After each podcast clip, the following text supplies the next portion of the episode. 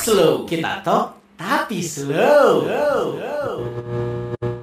Di Talk Slow, kita talk tapi slow hari ini kita akan ngobrol tentang penanggulangan AIDS di Kota Cirebon dan Pak Mandika akan ngobrol dengan Sekretaris KPA Komisi Penanggulangan AIDS Kota Cirebon dengan Ibu Sri Mariati. Apa kabar Ibu? Baik, alhamdulillah Mas Dika. Sehat? Alhamdulillah sehat. Waduh, ini uh, Pak Mandika sebenarnya mau ngobrol banyak dan pertanyaan juga udah banyak nyiapin, tapi kita mulai dulu dengan apa itu KPA atau Komisi Penanggulangan AIDS? Mungkin banyak yang belum tahu. Oke baik, saya sebut Pak Mandika aja. Kan? Boleh, boleh. Ya eh, baik eh, Pak Mandika, kalau eh, berdasarkan Permendagri nomor eh, 20 tahun 2007 mm -hmm. bahwa eh, Komisi Penanggulangan AIDS di daerah itu adalah komisi yang uh, mengkoordinasikan dan hmm. juga memfasilitasi upaya pencegahan dan penanggulangan AIDS di daerah. Hmm. Walaupun kita tahu bahwa di masing-masing daerah ini kan juga ada dinas teknis ya, ada yeah. dinas kesehatan yang notabene mengurus semua urusan kesehatan. Hmm. Tetapi uh, lahirnya Komisi Penanggulangan AIDS ini karena di tahun 2006 hmm. di seluruh uh, Indonesia hmm. dibentuklah kabupaten uh, KPA kabupaten kota dan juga provinsi pada saat itu dan kita tahu bahwa penanggulangan HIV AIDS di Indonesia uh, menjadi salah satu uh, prioritas yang pada saat itu uh, menjadi permasalahan di hampir semua kabupaten kota dengan jumlah kasus-kasus HIV yang semakin meningkat, namun penanggulannya uh, belum secara khusus. Hmm, hmm. Mengapa? Karena kita tahu HIV ini bukan hanya bicara soal dari sisi medis, yeah. tetapi dari sisi sosial, ekonomi dan yang lain sebagainya, sehingga pada saat itu dibentuklah satu komisi yang memang menanggulangi tentang penanggulangan AIDS ini. Bernama Komisi Penanggulangan, AIDS, AIDS ya dari ya. tahun 2006. 2006. Dan secara itu. perjalanannya uh, untuk dari tahun 2006 sampai 2020 sekarang ada perubahan secara struktural atau seperti apa atau memang tetap sama? Uh, kalau bicara tentang KPA nasional mm -hmm. itu memang berubah ya mm -hmm. sejak uh, tahun 2017 mm -hmm. Adanya Perpres nomor 124 tahun 2017 uh, tadinya KPA nasional itu uh, punya sekretariat uh, tersendiri personilnya mm -hmm. juga tersendiri mm -hmm. tetapi setelah 2017 itu dikembalikan kepada Kemenkes yang sekretaris KPA nasional itu dijabat oleh uh, Dirjen di P2P mm -hmm. namun di kabupaten kota karena uh, apa namanya konsider kesadaran kita atau hmm. dasar hukum kita lebih mengacu kepada Permendagri 20 tahun 2007 hmm.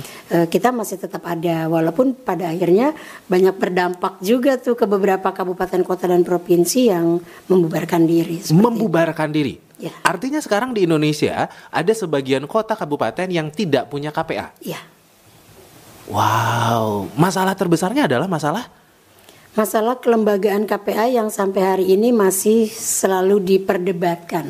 Diperdebatkan. Ya. Dan inti perdebatannya adalah inti perdebatannya adalah perlu nggak sih KPA di kabupaten kota? Oh, perdebatannya itu dan kemudian berdampak pada eksistensi si KPA-nya di setiap kabupaten betul, kota. Betul. Oke, dan kalau di Cirebon masih ada? Di Cirebon alhamdulillah karena memang kita juga sudah punya regulasi yang sangat kuat ya. Hmm. Ada perdanya sejak tahun 2010 yang hmm. mengatur tentang kelembagaan KPA hmm. sehingga sampai hari ini penanggulangan HIV tidak pernah terputus. Hmm, oke. Okay. Dan kalau di Cirebon berarti ada. Nah, menurut Ibu ketika orang berdebat perlu atau tidak di kabupaten kota adanya KPA? Jawaban Ibu perlu atau tidak? Sangat perlu. Karena karena bicara soal penanggulangan HIV AIDS, mm -hmm. kalau kita melihat referensi hukum lainnya, mm -hmm. itu jelas di Permenkes 21 tahun 2013 bahwa mm -hmm. penanggulangan HIV AIDS itu menjadi tanggung jawab pemerintah daerah. Mm -hmm. Kemudian bagaimana dengan komisinya? Di Komisi Penanggulangan AIDS ini juga sebetulnya menaungi beberapa teman-teman LSM, mm -hmm. kemudian beberapa kelompok dampingan sebaya, mm -hmm. kemudian kelompok-kelompok yang tentunya mungkin tidak uh, tidak sempat tersentuh oleh mm-hmm. dinas-dinas mm -hmm. teknis. Mm -hmm sehingga di KPA inilah diramu hmm. uh, pendekatan-pendekatan kemudian penanggulan AIDS-nya nanti lebih melakukan pendekatan-pendekatan psikososial dan pendekatan-pendekatan yang lainnya yang tentunya berujung kepada uh, tujuan dari uh, penanggulangan HIV itu sendiri. Misalnya tidak ada stigma dan diskriminasi, hmm. kemudian tidak ada lagi uh, orang yang mati karena AIDS dan juga tidak ada lagi infeksi baru oh, dari HIV AIDS. Oke, okay. gitu. itu di Cirebon kita bersyukur ada nih. Yeah. Sementara untuk daerah-daerah yang nggak ada, artinya di daerah tersebut pemerintahnya mempertimbangkan, oh kayaknya nggak perlu. Seperti itu kurang lebih.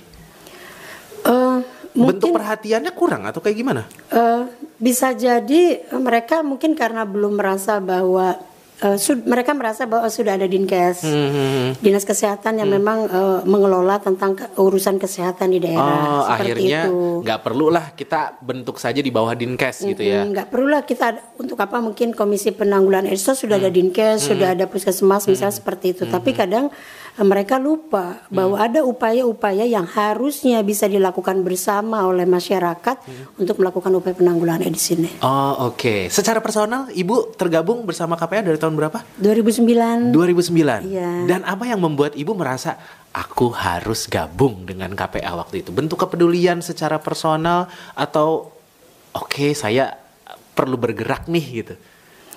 Uh, mungkin karena passion ya. Hmm. Itu yang pertama karena memang jiwa saya uh, saya sejak tahun 2001 hmm. saya memang berurusan dengan Kespro dan hmm. HIV AIDS. Hmm. Kemudian saya melihat karena memang HIV ini menjadi salah satu yang memang harus penanganan secara khusus -hmm. dan harus uh, di blowing betul-betul kita blow up secara besar-besaran, -hmm. secara masif -hmm. sehingga pemahamannya juga sangat lebih komprehensif di masyarakat hmm. dan artinya bahwa tugas saya juga harus banyak uh, membuatkan kader-kader hmm. di masing masing-masing kelurahan alhamdulillah hari ini sudah ada 22 kelurahan dan mereka punya warga peduli AIDS yang tentunya kita akan bergerak bersama supaya masyarakat ini terdorong untuk uh, sama-sama melakukan upaya penanggulangan. Oke, 22 kelurahan. Kelurahan masing-masing ada tuh ya uh, kadernya. Wow, Betul. luar biasa sekali. Berarti Ibu kegiatan sehari-hari ketemu sama orang yang uh, dengan HIV AIDS, ketemu sama orang ODA atau penyuluhan segala macam itu kegiatan sehari-harinya kayak gitu. Iya, itu menjadi kegiatan rutin kami ya, karena hmm. memang tugas uh, kami itu bukan hanya nanti bicara di edukasi, hmm. tetapi juga nanti di kebijakan, hmm. kemudian di promosi, di hmm. penanggulangan dan di mitigasi. Hmm. Jadi hampir kalau bicara dengan teman-teman ODA sih itu menjadi bagian dari kehidupan kita ya sehari-hari hmm. misalnya juga nungguin mereka yang sakit di rumah sakit hmm. kemudian uh, mengantar mereka yang terjemput karena mereka nggak punya ongkos kemudian mereka harus mengakses obat di rumah sakit itu sudah menjadi bagian lah bagian dari kegiatan iya. suka dukanya suka gitu ya. dukanya ya. tapi saya pikir banyak sukanya banyak sukanya yang paling suka deh apa kegiatan yang paling uh, suka itu ketika masyarakat paham hmm, hmm. Uh, secara pemahaman tentang HIV hmm dan uh, mereka paham tidak melakukan pelaku beresiko dan yang suka yang pernah melakukan pelaku beresiko mereka mau tes HIV hmm. itu paling uh, paling membahagiakan dan paling membahagiakan ketika mereka tahu positif HIV mereka tetap berobat. Oh, Oke okay. hmm. dan dukanya adalah Dukanya kalau seandainya saya melihat bahwa teman-teman yang positif ini meninggal itu yang sangat saya nggak bisa apa artinya kita membuat kita sedih ya hmm. karena sebetulnya memang usia itu takdir ya hmm. tapi kalau seandainya mereka meninggal karena mereka berhenti minum obat kan hmm. itu sangat juga disayangkan gitu hmm. karena memang uh, eh, HIV ini kan memang tidak boleh lepas obatnya. Hmm, oke. Okay. Nah, untuk si HIV AIDS-nya sendiri gitu ya. Mungkin uh, masyarakat masih yang banyak salah atau udah tahu tapi tidak full informasinya. Apa yang harus masyarakat ketahui tentang uh, HIV AIDS ini? Secara singkat aja, Bu. Iya, singkatnya adalah bahwa hari ini kita sudah hampir semua orang punya smartphone. Hmm, hmm. Jadi gunakan uh, uh, handphonenya ini untuk uh, membrowsing hal-hal yang positif terutama tentang HIV. Kenapa ini juga sangat penting karena bicara HIV bukan hanya bicara diri sendiri hmm. tetapi juga bicara tentang generasi ke depan, hmm. anak-anak kita dan uh, keluarga terdekat kita hmm. dan bagaimana masyarakat juga uh, paham dan dia juga aware supaya mereka mau melindungi dirinya dan keluarga dari HIV AIDS. Hmm, hmm, hmm. Oke okay, dan si penyakitnya sendiri Bu, apa yang mungkin selama ini masyarakat masih salah nih tentang cara penularan misalnya hal-hal uh, yang perlu dilakukan ketika punya tadi misalnya pernah berinteraksi yeah. gitu ya secara seksual dengan orang-orang yang punya resiko uh, menjadi orang dengan HIV AIDS gitu. Uh, yang paling salah itu ketika masih ada anggapan bahwa uh, HIV ini atau AIDS ini menjadi penyakit kutukan penyakit kutukan. kutukan gitu dan ini yang uh, harus kita berikan informasi yang sangat kuat karena uh, kalau kita lihat misalnya ada bayi yang positif hmm. apakah bayi itu juga karena kutukan hmm. apakah juga karena resikonya kan bukan hmm. bayi bisa terinfeksi karena tertular dari ibunya hmm. ibunya terinfeksi karena tertular dari suaminya artinya hmm. siapa yang dikutuk kalau hmm. begitu nah ini yang harus kita berikan informasi bahwa HIV ini bisa kena kepada siapa pun kalau kita tidak tahu upaya pencegahannya. Hmm, dan penularannya Bu paling banyak adalah Kalau di kota Cirebon sendiri sampai dengan eh, Juni ya 2020 ini memang lebih banyak itu dari hubungan seks. Karena Hubungan memang seks. trennya sejak tahun 2009 itu memang didominasi oleh hubungan seks. Yang sebelumnya di 2009 ke bawah sampai dengan 2006 itu banyak didominasi karena narkoba suntik. narkoba suntik, tapi kemudian trennya berubah menjadi hubungan seksual. Iya. Oke, dan yang selama ini juga mungkin menjadi pertanyaan masyarakat dan juga ya mungkin Dika juga gitu ya. Air liur itu menjadi salah satu penyebab penularan HIV AIDS. Benar nggak sih Bu? Enggak, cuma empat cairan aja. Empat cairan. Iya, jadi cairan sperma, cairan vagina, cairan darah dan air susu ibu. Hanya empat cairan itu. Empat cairan itu. Iya. Oke, jadi masyarakat perlu tahu nih bahwa empat cairan itu saja yang sebetulnya bisa menularkan. Betul. Dan masalah air liur itu salah atau gimana sih Bu? Eh, kurang tepat ya, karena memang eh, belum ada penelitian yang eh, menyatakan bahwa HIV itu ada di air liur seperti itu. Oh oke, ya ya ya ya. Nah untuk tadi tuh data di Cirebon sendiri sekarang itu trennya di tahun 2020 lah kita bicara eh, cenderung naik atau cenderung turun dari data yang ibu punya. Ya, baik.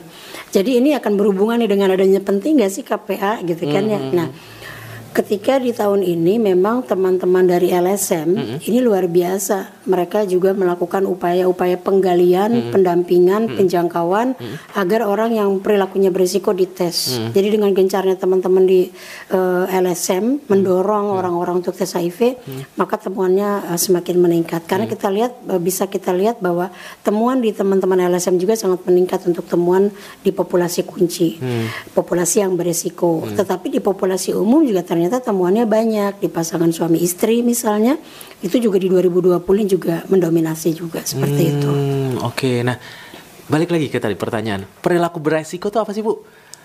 Perilaku berisiko itu yang pastinya melakukan hubungan seks dengan orang secara berganti-gantian yang kita tidak tahu status HIV-nya. Ah, itu adalah termasuk yang Perilaku berisiko. beresiko. Ya, berisiko tertular IMS dan HIV. Hmm, oke. Dan di Cirebon eh, dari data tadi termasuk yang cukup dominan tuh si perilaku beresiko itu. Iya, perilaku beresikonya lumayan juga ya, hampir eh, sekitar 30 persenan lah mereka yang melakukan eh, seks beresiko. Hmm, oke dan trennya berarti kalau dari dibandingkan tahun lalu misalnya 2019 berarti cenderung naik. Jumlahnya naik ya, karena sampai dengan 2020 aja kita udah 155 di sampai Juni, sementara di kemarin itu sampai dengan Desember 127. Artinya lumayan naik ya, lumayan ketemuannya lumayan besar. Sehingga memang eh, ini yang mem- eh, ketika memang saya ditanya kenapa Bu bisa naik, ya Ya. karena belum semua orang diperiksa. Sekarang kalau kita bilang coba semua orang yang minimal satu tahun atau dua tahun pernah melakukan hubungan seks beresiko dengan seseorang yang kita nggak tahu statusnya, kita periksa. Saya yakin jumlahnya akan semakin banyak. Oke. Itu bentuknya kesadaran. Harus, nah itu yang harus kita dorong adalah kesadaran mereka mendorong terutama eh, laki-laki yang membeli seks untuk tes HIV. Oh. Tesnya, Bu. Tes. Nah, tesnya yang dilakukan oleh orang yang merasa bahwa saya sepertinya beresiko. Apa tahap-tahap yang harus dilalui oleh orang tersebut? Yang pertama yang bersangkutan memang harus eh, melakukan konseling dulu, konseling prates seperti itu. Datangnya ke mana, Bu? Datangnya ke puskesmas. Kalau di kota Cirebon di semua puskesmas ada ya, mereka datang ke puskesmas, kemudian konseling, kemudian untuk menguatkan, kemudian mereka tes. Negatif maupun positif tetap harus dikonseling. Kalau negatif mereka harus ngapain gitu kan? Kalaupun positif juga mereka harus melakukan hal yang memang selanjutnya mereka harus mengikuti pengobatan HIV, ARV yang kita sebut dengan eh, ARV ya, pengobatan eh, mengakses ARV. Hmm, oke dan bayar nggak sih Bu tesnya? Eh, kalau di kota Cirebon, kalau KTP-nya KTP kota itu gratis. Oh, gratis. Sampai dengan obatnya juga gratis. Oh, oke. Nah, itu berarti kan orang tersebut tidak mengetahui kondisi dia sekarang eh, HIV atau tidak, kemudian dia datang ke tempat untuk periksa segala macam. Apa yang menyebabkan orang tersebut masih ragu, masih enggan untuk memeriksakan diri? Apakah karena rasa takut? Justru ketika tahu bahwa saya HIV, akhirnya saya akan bermasalah dengan keluarga, saya akan bermasalah dengan lingkungan, saya akan bermasalah dengan pekerjaan. Iya, Karena memang kan eh, HIV ini berbeda dengan yang lain ya. Hmm. Kalau penyakit yang lain dianggap hanya penyakit medis. Hmm. Ketika dicek jantung penyakit jantung selesai. Yeah. Tetapi ketika cerita soal HIV, hmm. maka uh, di kepalanya ini sudah mulai bermain bahwa yeah. ini akan berhubungan dengan sanksi sosial betul, dan yang betul. lain sebagainya. Hmm. Sehingga kalau saya tanya kepada mereka yang beresiko, hmm. kenapa mereka nggak mau tes HIV? Hmm. Salah satunya adalah khawatir, hmm. takut kalau hasilnya adalah positif. Yeah takut diketahui orang lain, hmm. takut di stigma hmm. dan kalaupun dia bekerja takut dikeluarkan dari pekerjaannya dan yang lain sebagainya. Hmm. Sepertinya lebih ke arah itu. Walaupun sudah kita kasih penguatan bahwa dengan kita melakukan tes HIV, hmm. kemudian mengakses obat ARV, hmm. kemudian bisa kembali beraktivitas, hmm. itu tidak akan memperlihatkan kepada orang lain hmm. bahwa kita kena HIV. Tapi hmm. kalau ternyata tidak berobat, hmm. lama kelamaan ya bisa kena AIDS. Itu nanti akan terlihat bahwa yang bersangkutan terkena AIDS seperti oh, itu. Oke, okay. dan kebanyakan ketika mereka tahu respon pertama kali mereka tuh apa sih bu ketika ibu ngobrol segala macam pastinya pertama kali begitu dibuka positif hmm. mereka nangis mereka kaget mereka shock hmm. kemudian yang dipikirkan itu biasanya bukan diri mereka sendiri ya biasanya keluarga. malah keluarga pasangan dan yang lain sebagainya seperti hmm. itu apalagi kalau misalnya ada suami yang positif hmm. dia akan mikir gimana ya bu saya nyampein ke istri saya dan yang lain sebagainya seperti itu biasanya itu adalah hal-hal yang sering ibu temui. Iya, beberapa kali karena memang ada beberapa orang yang juga menjadi uh, damping atau klien-klien kita yang hmm. sampai hari ini kita masih berkomunikasi. Hmm. Nah, untuk uh, orang-orang yang uh, Oda ini, Bu, sampai sekarang kan masih kerja, masih butuh penghasilan segala macam, itu hidupnya seperti apa? Mungkin bisa diceritain dari beberapa gitu misalnya. Kalau mereka yang memang mengakses obatnya secara rutin, hmm. kemudian mereka mengikuti protokol, artinya mereka uh, tidak lagi uh, misalnya uh, suka keluar malam, hmm. kemudian makan makanan yang bergizi. Hmm mereka bisa seperti kehidupan masyarakat lainnya hmm. gitu mereka masih masih bisa melakukan banyak aktivitas hmm. tapi memang mungkin agak mudah lelah hmm. seperti itu ya tapi hmm. saya pikir itu juga bukan bukan satu ini ya bukan satu apa namanya satu hambatan buat hmm. mereka karena mereka juga sampai hari ini teman-teman saya masih banyak yang bisa melakukan aktivitas yang sama dengan orang kebanyakan hmm, stigma negatif di masyarakat itu yang sebetulnya harus dirubah ya bu iya nah kebetulan di kota Cirebon ini kita punya uh, kelurahan unggulan ya hmm hmm. yang uh, sudah membuat supaya tidak ada stigma di masyarakat hmm. dan alhamdulillah yang bersangkutan mau terbuka hmm eh, kader menerima, masyarakat menerima dan kelurahan pun akhirnya bisa bersama-sama melakukan upaya penanggulangan HIV/AIDS. Saya hmm. sebut aja di kelurahan derajat ya yang hmm. sudah sangat luar biasa. Mereka hmm. punya tim hmm. sehingga ini salah satu contoh yang memang membuktikan bahwa orang HIV masih bisa melakukan banyak aktivitas. Orang HIV tidak perlu dikucilkan hmm. dan orang HIV juga bisa memberikan kontribusi hmm. yang terbaik untuk kota Cirebon. Wah, itu jadi memang selama ini juga sudah ada buktinya. Yeah. Iya. Uh, yang penting akses obat tadi. Nah, masalah akses obat berarti itu adalah obat yang akan dikonsumsi sama yeah. Iya. uh, orang dengan HIV/AIDS ini. Dan obat ini bayar gratis dikonsumsinya per apa? Per minggu kah, per hari kah atau kayak gimana? Iya, obat ini memang kan di uh, drop dari Kemenkes ya, hmm. kemudian diberikan ke uh, dinkes uh, provinsi hmm. di masing-masing provinsi dan uh, memang masih gratis hmm. karena setahu saya obat bisa gratis ini karena kita juga ada bantuan dari luar hmm, seperti hmm, itu. Hmm, hmm. Dan memang di belakangan di beberapa belakangan hari ini eh, teman-teman ada ketakutan, hmm. ketakutan, kekhawatiran hmm. karena memang uh, jaminan tentang obat ini masih belum bisa dipastikan. Karena hmm. sampai hari ini aja ketersediaan obat kita juga masih dianggap minim ya, dianggap hmm. sangat menipis. Sementara teman-teman Oda ini kan memang sangat bergantung kepada ARV ini. Hmm. Gitu. Tadi Ibu menyebutkan luar. Luar itu luar apa? Luar dari asing dan asing. Luar negeri berarti. Iya, setahu saya tuh yang informasi yang saya dapat uh, dua tahun ke belakang ini memang Kemenkes tidak melakukan pengadaan obat ARV. Kita masih dapat bantuan dari uh, dari bantuan asing. Hmm. Ini yang mungkin kita mendorong supaya ke depannya uh, Kemen Kemenkes bisa lebih serius lah untuk menangani obat-obatan ARV sehingga uh, kami yang di daerah ini mendorong orang untuk uh, apa namanya mengakses obat supaya hmm. mereka tetap bisa bertahan hidup. Sementara garansi pengadaan obatnya uh, kita berharapkan bahwa negara bisa menjamin ini. Hmm, Oke, okay. nah sepengetahuan ibu apa penyebabnya sehingga Kemenkes tidak lagi mensuplai obat ya sementara uh, Oda ini sangat bergantung sama obat yang dikonsumsi. Ya, bukan mensuplai ya, tapi gini, uh, Kemenkes uh, menyalurkan tetap menyalurkan obat ke hmm. dinkes provinsi. Ya.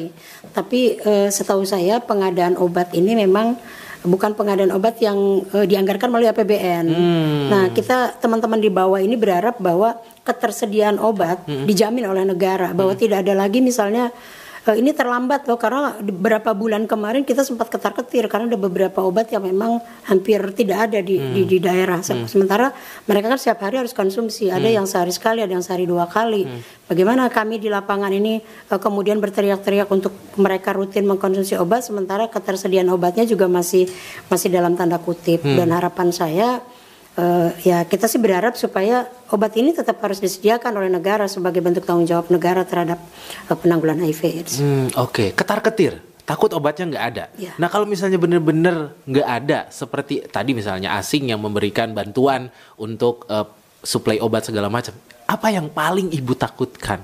Dan uh, gimana caranya ketika Oda dan suplai obatnya nggak ada? Ya itu yang paling saya takutkan ketika memang uh, tidak ada obat sama sekali buat hmm. Oda ya selesai. Semahal itukah atau memang belum ada produksinya di Indonesia, aksesnya susah atau seperti apa? Kalau obatnya kan memang dari luar ya, dari luar negeri. memang dari luar hmm. obatnya gitu kan seperti itu. Hanya kan e, memang e, kalau menurut data kurang lebih ada 400 ribu ya hmm. orang di Indonesia yang terinfeksi HIV yang bergantung kepada obat ARV. Hmm dan obatnya juga dari luar hmm. sehingga ini yang membuat kita juga ketar-ketir mudah-mudahan ya negara bisa bisa memproduksi sendirilah hmm. karena kita melihat bahwa apa namanya e, pengidap HIV-nya kan sudah banyak hmm. gitu hmm. sehingga mungkin ke depannya juga bisa akan bertambah kan hmm. kalau kita tetap mengandalkan dari luar hmm. saya nggak kebayang deh gitu kalau sampai obat tidak ada ya resikonya bisa terjadi uh, kematian yang berjamaah karena hmm. memang mereka mengandalkan obat ARV untuk ke keberlanjutan hidup mereka seperti hmm. itu. Artinya sampai sekarang Indonesia belum mampu memproduksi obatnya belum. sendiri. Masih bergantung sama uh, obat dari luar negeri. Yeah. Oke okay, dan uh, kendala-kendalanya berarti selama ini adalah obat nih Bu. Penyalurannya berarti uh, obat itu datang dari luar negeri, kemudian masuk ke Kemenkes, kemudian provinsi, baru disebar ke kota-kota. Dan itu jumlahnya dihitung berdasarkan data di setiap kota atau random saja. Kota ini kebagian segini nih, sekian persen dari data eh, dari uh, obat yang kami dapat misalnya. Kalau yang uh, yang sudah sebelum-sebelumnya mm -hmm. itu memang berdasarkan uh, data yang ada. Misalnya mm. ada 10 Oda ya dikirim hmm. 10 Oda misalnya kita hmm. di kita kan ada 520 hmm. misalnya ada 520 eh, kita dikirim 520 hmm. uh, untuk kebutuhan uh, teman-teman Oda hmm. tetapi kemarin sempat tuh kebutuhannya 240-an tapi hmm. dikirim hanya 130 itu oh. karena memang keterbatasan alasannya karena memang keterbatasan obat yang ada sehingga harus uh, dibagi terlebih dahulu mungkin nanti diusul seperti biasa nanti diusulkan kembali baru di dropping lagi seperti itu. Nah, ketika berkekurangan kayak gitu gimana, Bu? Ya, paling kita hanya bisa berteriak. Berteriak kemudian diselesaikan oleh uh, provinsi dengan ya mungkin ya art artinya dibagi-bagi lagi nggak bisa full biasanya kan mereka mendapatkan obat di di sebelum covid ini hmm. sebulan sekali kan hmm. mereka bisa akses buat sebulan tapi uh, dengan keterbatasan obat ini ya mereka ya dua minggu gitu nanti mereka ngambil lagi gitu dua oh, minggu lagi seperti itu okay. itu yang terjadi di belakangan hari ini ya dan memang sebetulnya ini menjadi permasalahan nasional sebetulnya permasalahan nasional ya, tidak hanya di kota Cirebon iya sebetulnya menjadi permasalahan nasional dan semua berteriak hmm. tapi mudah-mudahan teriakannya sampailah ke pemerintah pusat hmm, oke okay. dan pandemi nih kita sedang menghadapi pandemi dan sepertinya konsentrasi pemerintah kan kebagi nih ke uh, pandemi, termasuk juga kota Cirebon misalnya. Ada yang berubah kah, Bu? Untuk penanganan segala macam? Kalau penanganan sih enggak ya, memang hmm. kita ada WFH gitu. Hmm. Tapi kan kalau kita harus mengantarkan uh, pasien hmm. misalnya atau klien, hmm. kan nggak mungkin bisa WFH, tetap hmm. harus dijemput, tetap hmm. harus bersentuhan dengan mereka. Hmm. Ketika mereka misalnya membutuhkan konseling kita, uh, agak sulit juga kalau kita misalnya by phone saja sementara uh, ada hal-hal juga yang memang harus kita sentuh hmm. secara langsung jadi ya saya pikir selama ini selama uh, covid dari Januari hmm. uh, saya malah merasa nggak ada yang berbeda ya semua kita lakukan uh, yang sama dengan hmm. sebelumnya hmm. walaupun mungkin mungkin protokol kesehatan kan kita tetap harus kita apa namanya kita kita pakai lah seperti hmm. itu oke nah itu secara uh, KPA tapi secara uh, nasional Misalnya support dari pemerintah, konsentrasi dari pemerintah untuk penanggulangan HIV ini kebagi nggak akhirnya?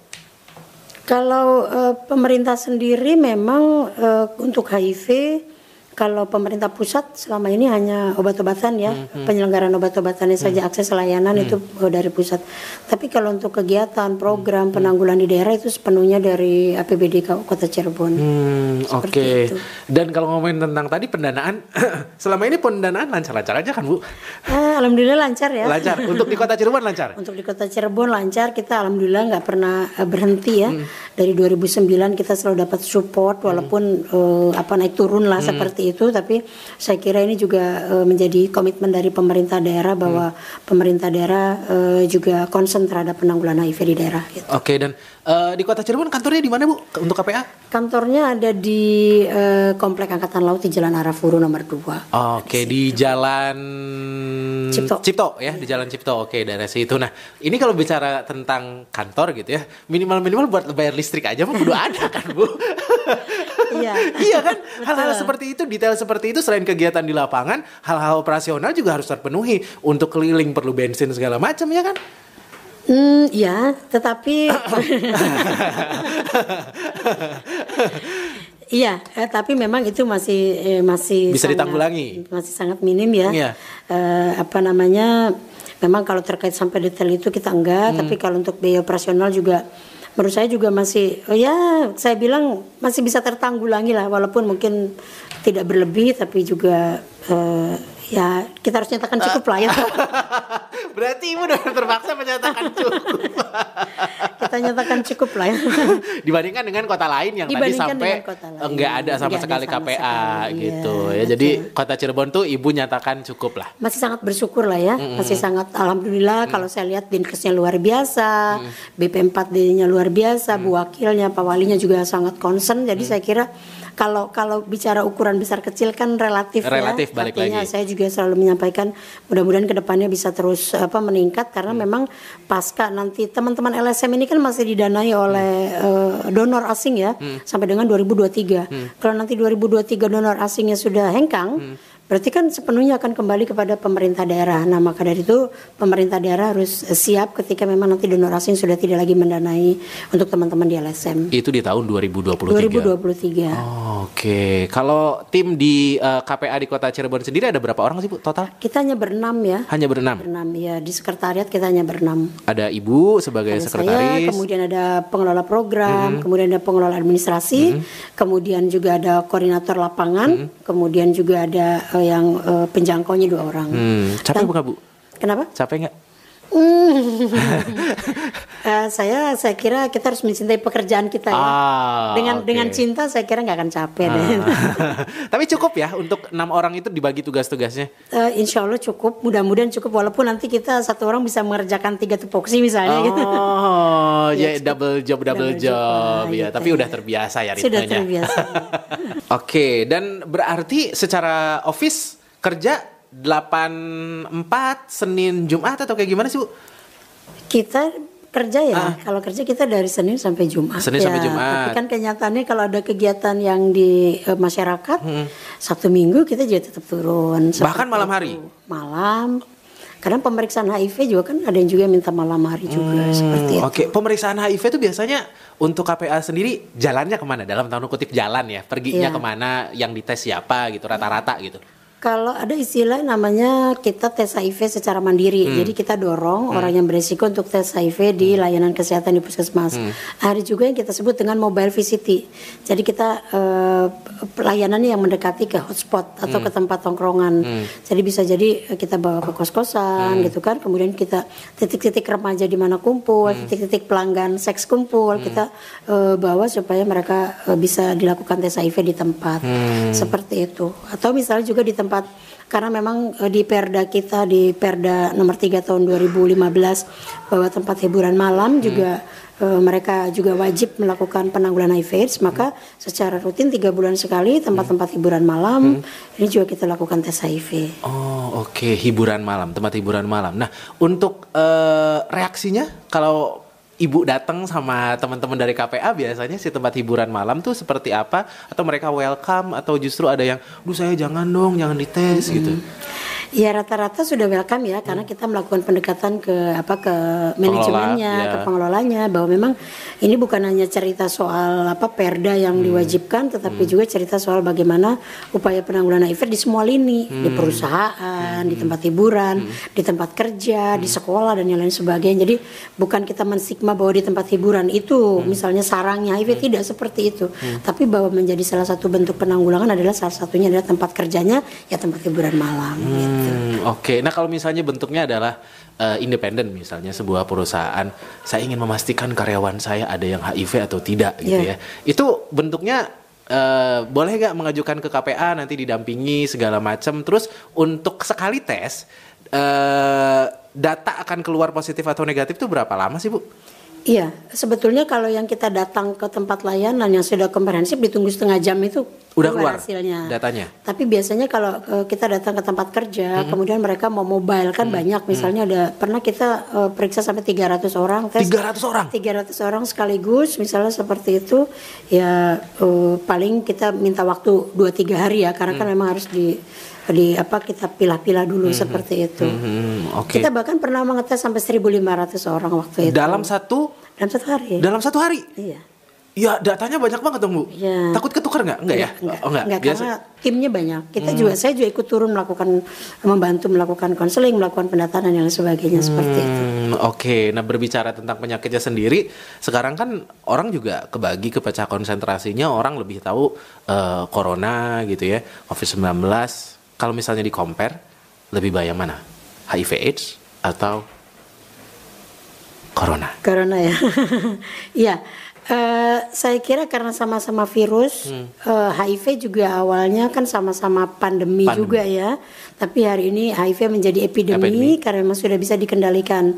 Kalau COVID mengapa hari ini terkesan menyeramkan karena Hmm. memang ini virus belum bisa dikendalikan. Seperti itu. Kita cegah dengan sana sini sama seperti awal HIV seperti itu sehingga memang terkesan bahwa eh, luar biasa bahaya eh, COVID-19 ini seperti itu. Saya kira kalau seandainya nanti sudah ada vaksin, ini juga akan menjadi eh, kelompok penyakit yang biasa dengan yang lainnya ya seperti hepatitis dan yang lain sebagainya. Jadi kalau eh, misalnya sangat membahayakan, saya kira kalau misalnya COVID ini kita lihat bahwa di Indonesia saja banyak yang bisa sembuh ya. Mudah-mudahan sih memang tidak membahayakan seperti yang digambarkan walaupun kita eh, kita nggak bisa menafikan bahwa banyak juga yang meninggal karena eh, COVID. Tetapi kalau bicara soal HIV ini kan mereka karena harus eh, tetap bergantung kepada obatnya, obatnya harus diminum. Kalau eh, COVID ada jedanya bisa harapan sembuh. Kalau HIV eh, tidak bisa lagi lepas dari virusnya karena seumur hidup virusnya tetap ada di dalam tubuh. Hanya tinggal bagaimana udah ini bisa mengendalikan virusnya atau enggak dengan eh, pengobatan ARV-nya. Jadi saya kira karena sama-sama virus, saya kira sama-sama membahayakan kalau kita tidak tahu pencegahannya. Kalau COVID kan agak sulit ya. Iya. Gimana saya eh, walaupun kita kadang sudah pakai eh, apa namanya ikuti protokol kesehatan kadang banyak juga orang yang terinfeksi. Beda dengan HIV. Kalau dari cara penularannya. Kalau HIV kalau kita sudah tahu penularannya kita bisa tidak tertular. Karena memang saya 18 tahun bergulat di HIV alhamdulillah eh, artinya saya tidak tertular. Tapi kalau dengan COVID who knows ya kita dengan siapa aja bisa bisa tertular walaupun baru ketemu sejam dua jam misalnya seperti itu Iya, bahkan kan sempat beredar informasi bahwa yang justru bahaya tuh dropletnya. Jadi kita nggak ketemu sama orangnya, tapi kita ketemu sama dropletnya pun ada resiko untuk tertular nah ya. itu dia makanya Kalau ya ya begitulah yang terjadi di masyarakat ya. Nah untuk eh, tadi bu eh, orang-orang yang eh, dengan resiko gitu ya si eh, activity-nya misalnya tadi ibu sempat cerita sih di off air bahkan ada yang sampai menikah orang eh, dengan HIV AIDS ini Iya. gitu ya dan tidak semenakutkan itu sebetulnya. Apa seperti apa? Ya, eh, artinya bahwa ketika memang HIV ini bisa sudah bisa dikendalikan karena sudah menjadi epidemi, kenapa kita harus segera mencari orang yang beresiko kemudian dites supaya yang bersangkutan tidak menularkan kepada yang lainnya? Dan yang bersangkutan juga masih bisa bereproduksi, masih bisa punya anak, anaknya juga masih negatif. Kenapa? Karena memang dengan pendampingan eh, di penanggulangan HIV di sini memungkinkan orang-orang yang sudah positif untuk tetap beraktivitas, untuk bisa saya berkali tadi saya bilang bahwa bisa memberikan kontribusi konkret kepada negara sehingga Ya tidak perlu ditakutkan sebegitu takutnya ya, Mhm. sepanjang kita yakin bahwa kita tidak beresiko, kemudian kita beresiko kita tes HIV dan negatif, kemudian kita tetap menjalankan kehidupan yang sehat. Mhm. Saya kira ki- eh, kita juga bisa akhirnya kita berdampingan dengan orang-orang yang positif. Mhm. Nah kalau kitanya yang negatif, ya tinggal kita kasih penguatan kepada yang positif untuk terus eh, bisa melakukan aktivitas-aktivitas yang lebih bermakna lah seperti itu. Hmm, Oke, dan eh, mereka juga masih tetap bisa hidup bahagia, hidup berdampingan, Sangat, gitu ya. iya. Dan setahu ibu, se- seberapa eh, harmonisnya hubungan antara eh, Oda dengan orang yang eh, negatif atau orang biasa gitu ya? Iya, kalau di lingkungan yang eh, di kota ya, di kota Cirebon di beberapa eh, kasus misalnya ada temuan ada sedikit bukan stigma ya, tapi ada ketidaktahuan masyarakat soal HIV, kita langsung turun dengan dinas kesehatan dan pada akhirnya mereka nyaman-nyaman aja dengan mereka yang sudah positif. Karena kan tadi menularnya kan nggak gampang gitu. Jadi HIV itu eh, seperti pilihan ya. Menurut saya artinya gini kalau kita tidak mau tertular kan sudah tahu penularannya apa saja resiko penularannya. Kalaupun misalnya misalnya contoh ketika kita mau menikah kita tes aja tes HIV berdua dengan eh, apa pa- Pasangan kita. pasangan kita misalnya. Kalau misalnya kita tahu pasangan kita positif HIV dan kita tahu dia bisa kita bisa punya anak yang juga negatif kita mau melanjutkan menikah kan tidak apa-apa. Kita anjurkan seperti itu. Karena di kota Cirebon kan juga seperti itu ya. Kita juga masuk ke calon pengantin kita beri pemahaman seperti itu dan kalau misalnya yang eh, negatif dua-duanya itu kan juga harus diberi pemahaman gimana caranya supaya mereka tidak positif kan gitu. Hmm, itulah kenapa penting tuh tadi ya Bu ya. Betul. Oke. Nah, untuk kegiatannya sih eh, selama ini sempat baca, sempat ngegandeng wartawan juga untuk bekerja sama, Iya. mengkampanyekan, terus juga eh, siswa-siswa sekolah gitu ya. Jadi kegiatan-kegiatan rutinnya apa aja sih Bu untuk di KPA ini? Kalau kegiatan rutinnya yang eh, pasti kita ada edukasi, kemudian ada promosi. Edukasi itu kita berikan kepada eh, semua lini ya, semua sektor. Kemudian juga ada promosi. Promosi itu adalah promosi supaya mereka eh, tidak melakukan perilaku berisiko sehingga bisa terinfeksi HIV. Kemudian juga kita eh, melakukan rapat-rapat koordinasi dengan dinas-dinas terkait. Mengapa? Karena ini menjadi penting. Karena biar kita tersadarkan semua di Kota Cirebon ini terutama yang di bawah BP4D bahwa HIV ini bukan hanya menjadi urusannya dinas kesehatan, tetapi juga ada dinas sosial, kemudian ada dinas pendidikan. Sekarang gini, bagaimana kalau seandainya ada ODA yang dia sekolah, kemudian diketahui dia positif, kemudian misalnya dia sempat dikucilkan. Nah ini kan menjadi eh, bagian juga dari tugas sekolah misalnya seperti itu karena beberapa tahun yang lalu itu sempat juga terjadi Di Kota Cirebon. di kota Cirebon sempat terjadi. Nah, ini yang eh, coba kita gandeng semua pihak, kita kita duduk bareng, kita mikir bareng bahwa HIV ini menjadi eh, permasalahan bersama, bukan lagi permasalahan dari sisi medis. Kalau medis mereka akses ARV sudah selesai, kemudian tidak ada pengucilan, kemudian masyarakat juga sudah aware, selesai sebetulnya. Tapi yang jadi masalah adalah hari ini bukan penyakit medisnya, tetapi lebih ke sanksi sosialnya yang masih dirasakan berat oleh mereka yang positif HIV. Sehingga itulah yang kita harus lakukan eh, apa penyamaan persepsi di semua sektor, di semua dinas, sehingga pemerintah daerah ini melalui eh, Komisi Penanggulangan AIDS yang dikomandoi oleh Pak Wali Kota bisa betul-betul memagari agar memang orang-orang yang HIV positif ini juga mendapatkan hak yang sama dengan mereka yang negatif HIV. Atau populasi kunci ini mendapatkan hak yang sama dengan eh, populasi umum yang memang mereka belum terinfeksi HIV. Oke, dan eh, sejauh ini kalau misalnya ngobrol, ketemu langsung sama dinas-dinas terkait, eh sempat ada deadlock nggak sih? Biasanya gitu. Sebuah dialog akan ada yang selesai, ada juga yang deadlock. Iya. Nah sejauh ini kalau KPA ketemu sama dinas-dinas terkait, s- eh, selancar itukah komunikasinya? Alhamdulillah ya, Hmm. sampai dari 2009 sampai dengan hari ini di kota Cirebon tuh karena mungkin eh, istilahnya sedulur KB ya. iya, iya, iya. Jadi em, BP4D-nya ini luar biasa, kemudian juga dinas pendidikannya juga sangat support, Hmm. apalagi dinas kesehatan yang memang notabene mengurusi soal kesehatan. Dan beberapa dinas memang yang sebelum seperti di Spora Budpar ini juga kan mereka DKUKP, DKUKP-nya juga yang membidangi di tempat hiburan, mereka juga sangat merasa terbantu dengan dengan apa yang sudah kita lakukan. Jadi untuk di Kota Cirebon sampai hari ini saya masih merasa fine-fine aja dengan dinasanya. Tinggal nanti bagaimana kita mengkolaborasikan, mensinergiskan supaya upaya penanggulangan HIV ini bisa berjalan seirama seperti Oke, itu. dan targetnya adalah bentuknya seperti apa? Bentuknya menjadi perdaka atau cukup oke lah kita uh, bantu gitu seperlunya. Kalau bisa perlu kita bantu atau seperti apa? Yang pasti karena kita sudah ada Perda, hmm. bagaimana KPA ini dan Dinas Kesehatan mengawal hmm. supaya Perda ini menjadi Perda yang implementatif bagi semua dinas. Oh, Perdanya benar-benar jalan nih. Iya, bukan bukan Perda yang mandul, tapi hmm. sampai hari ini alhamdulillah hmm. setiap pasal per pasal hmm. itu selalu kami lakukan evaluasi. Hmm. Bahkan ada rencana nanti mungkin di tahun depan kita akan melakukan revisi Perda yang hmm. nanti bisa lebih um, menajamkan lagi supaya gerak dari teman-teman masyarakatnya, dari teman-teman LSM dan juga dari dinasnya bisa lebih tajam lagi. Oke, berarti menurut Ibu dalam perda yang sekarang ada yang perlu dipertajam? Ada yang perlu dipertajam seperti itu. Contohnya adalah?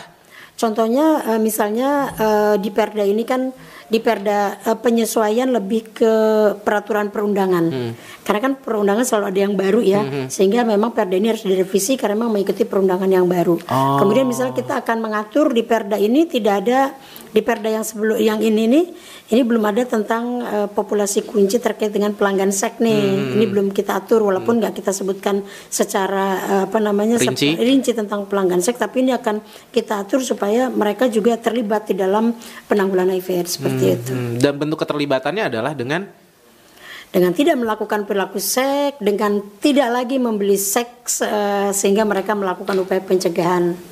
Oh, Seperti itu. Okay. Pelibatan laki-laki ya, pelibatan ya. laki-laki yeah. karena beli seks itu ada di kuasanya laki-laki. Hmm, oke. Okay. wow. Speechless ya.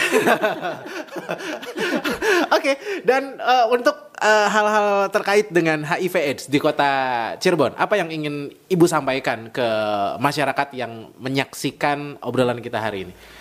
Ya, uh, saya berharap bahwa uh, masyarakat sudah mulai bukan hanya aware, mm. tapi juga sudah mulai melakukan penguatan tentang pemahaman HIV secara komprehensif, sehingga masyarakat paham, masyarakat tahu bagaimana mereka berpikir, bagaimana mereka bertindak mm. uh, ketika memang di lingkungan mereka ada yang positif HIV atau bahkan mereka juga mampu uh, melindungi anak dan juga keluarga dari penularan HIV/AIDS. Hmm, oke. Okay. Dan pesan singkat untuk orang-orang yang uh, masih dalam tanda kutip mempunyai perilaku yang beresiko, bu? uh, bagi mereka yang masih beresiko dan takut untuk tes HIV, saran saya segera periksakan diri agar uh, bisa dideteksi lebih uh, lebih awal untuk terhindar dari uh, terjangkitnya penyakit AIDS.